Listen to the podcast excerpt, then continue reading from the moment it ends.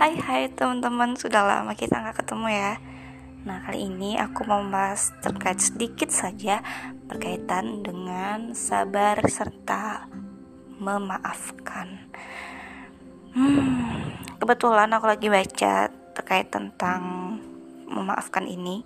Jadi ada sebuah kalimat yang mengatakan bahwa mereka yang tidak memaafkan memiliki aktivitas otak yang sama dengan otak orang-orang yang sedang stres, marah, dan melakukan penyerangan atau agresif.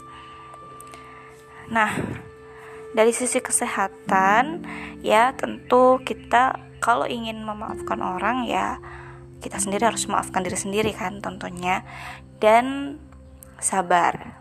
Nah, cukup menarik ya. Karena membahas dari sisi kesehatan, dari kesabaran itu sendiri, tentu kita juga harus membahas bagian jiwa yang bekerja keras menggunakannya ini, yakni emotion atau emosi. Ada pemaparan menarik dari sebuah buku yang berjudul Emotional Intelligence karyanya Daniel Goleman. Menurut beliau, ya para ahli jiwa telah melupakan satu bagian penting dalam jiwa manusia yang bernama emosi.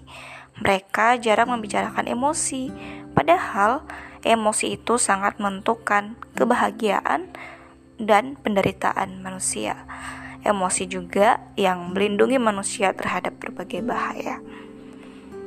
Karena emosi sangat mempengaruhi kehidupan manusia ketika sedang dia mengambil keputusan, maka nggak jarang suatu keputusan diambil melalui emosinya. Nggak ada sama sekali keputusan yang diambil manusia yang murni benar-benar dari pemikiran rasionya. Karena Ya, balik lagi, seluruh keputusan manusia memiliki warna emosional. Jika kita perhatikan keputusan-keputusan dalam kehidupan manusia, ternyata keputusannya itu lebih banyak ditentukan emosi dibandingkan dengan akal sehat. Ya, wajar ya. Karena akal itu ya kita sangat sulit di bangku sekolah atau mungkin pengalaman-pengalaman kita waktu masih dulu gitu ya yang itu mengasah kemampuan critical thinking atau akal sehat kita gitu. Kemudian kita pasti mengedepankan atau uh, yang lebih mudah tercerap dalam tubuh yaitu emosi. Nah, emosi itu sangat karena sangat begitu penting gitu ya dan udah lama ditinggalkan oleh para peneliti terutama penelitian di tahun sebelum 1900-an padahal emosi itu ada banyak sekali ya yang di sana warnanya mulai suka, ada duka, ada memori-memori termasuk inner child kita dan ada bahagia-bahagia yang juga tercerap dalam emosi di bawah sadar kita. Sebenarnya bukan kepada rasionya berapa banding berapa ya. Karena uh, balik lagi kita juga fluktuatif ya. Kadang menggunakan akal sehat, kadang juga emosi. Nah, karena itulah, Goldman mengusulkan selain memperhatikan kecerdasan otak, kita juga harus memperhatikan kecerdasan emosi. Dan menentukan sukses atau enggaknya kehidupan seorang sih sebenarnya lebih kepada kecerdasan emosi ya. Karena ia berkaitan dengan bagaimana kita berrelasi dengan seseorang.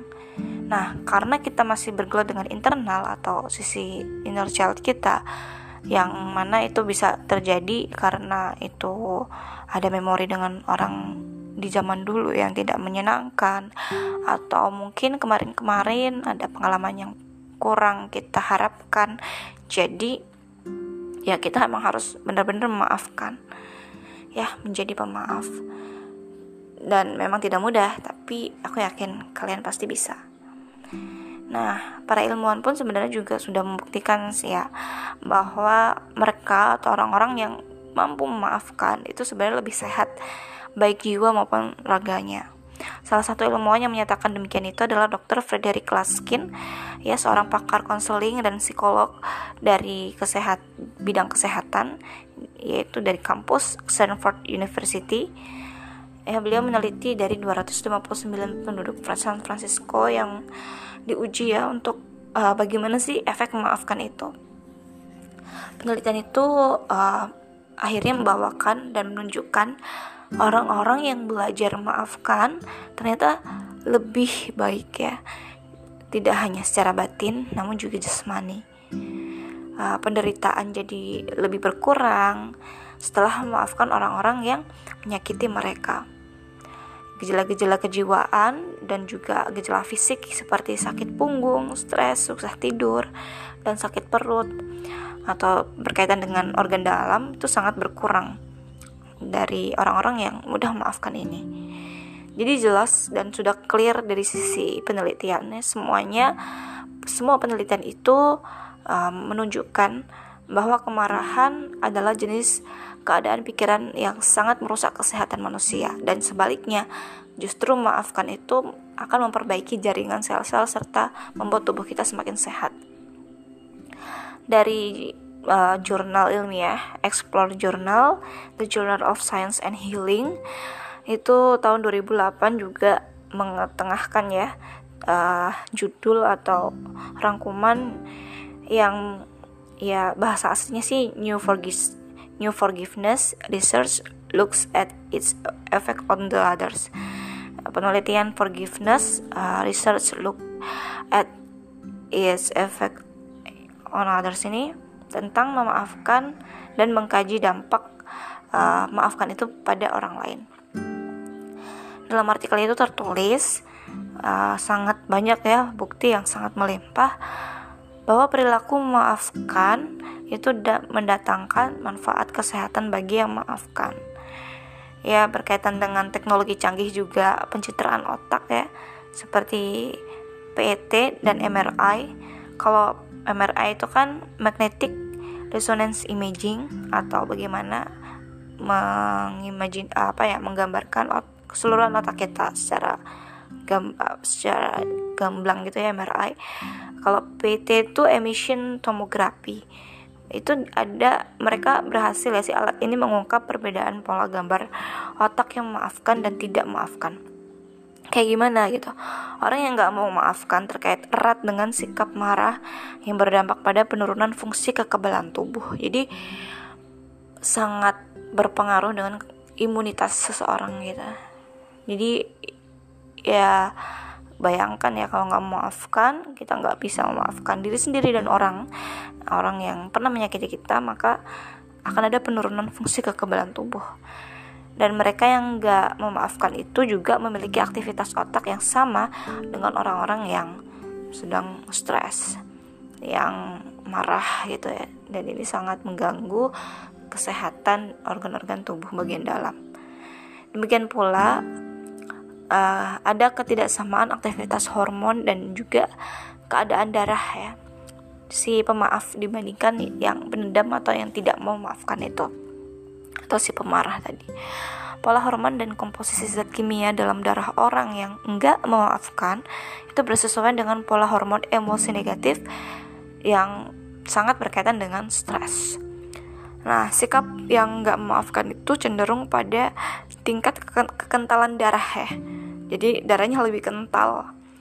Ya, kekentalan darahnya itu lebih tinggi gitu dibandingkan orang yang memaafkan. Keadaan hormon dan darah sebagaimana dipicu, sikap yang tidak mau memaafkan ini sangat berdampak buruk bagi kesehatannya. Jadi teman-teman, sekali lagi sebenarnya ketika kita memaafkan masa lalu kita, memaafkan diri sendiri, memaafkan orang-orang yang pernah membuat kita sedih, membuat kita tidak mudah untuk menjalani hidup, membuat diri kita menangis gitu ya. Itu kalau kita tidak rilis atau tidak mau memaafkannya, yang rugi itu bukan mereka, tapi diri diri sendiri balik lagi. Kalau kita ingin sehat yuk sama-sama kita terus memaafkan hal-hal yang negatif di dalam diri dan juga hal-hal yang berkaitan dengan orang lain. Terutama yang berkaitan dengan orang lain ya. Uh, bahkan mungkin orang itu sudah tidak ada sudah tidak kontak dengan kita atau mungkin kita sudah tidak mau berhubungan lagi tapi setidaknya kita sudah memaafkannya ini penting banget dan semoga kita bisa. Aku yakin kamu pasti bisa. Semangat dan sampai jumpa di episode selanjutnya. Bye.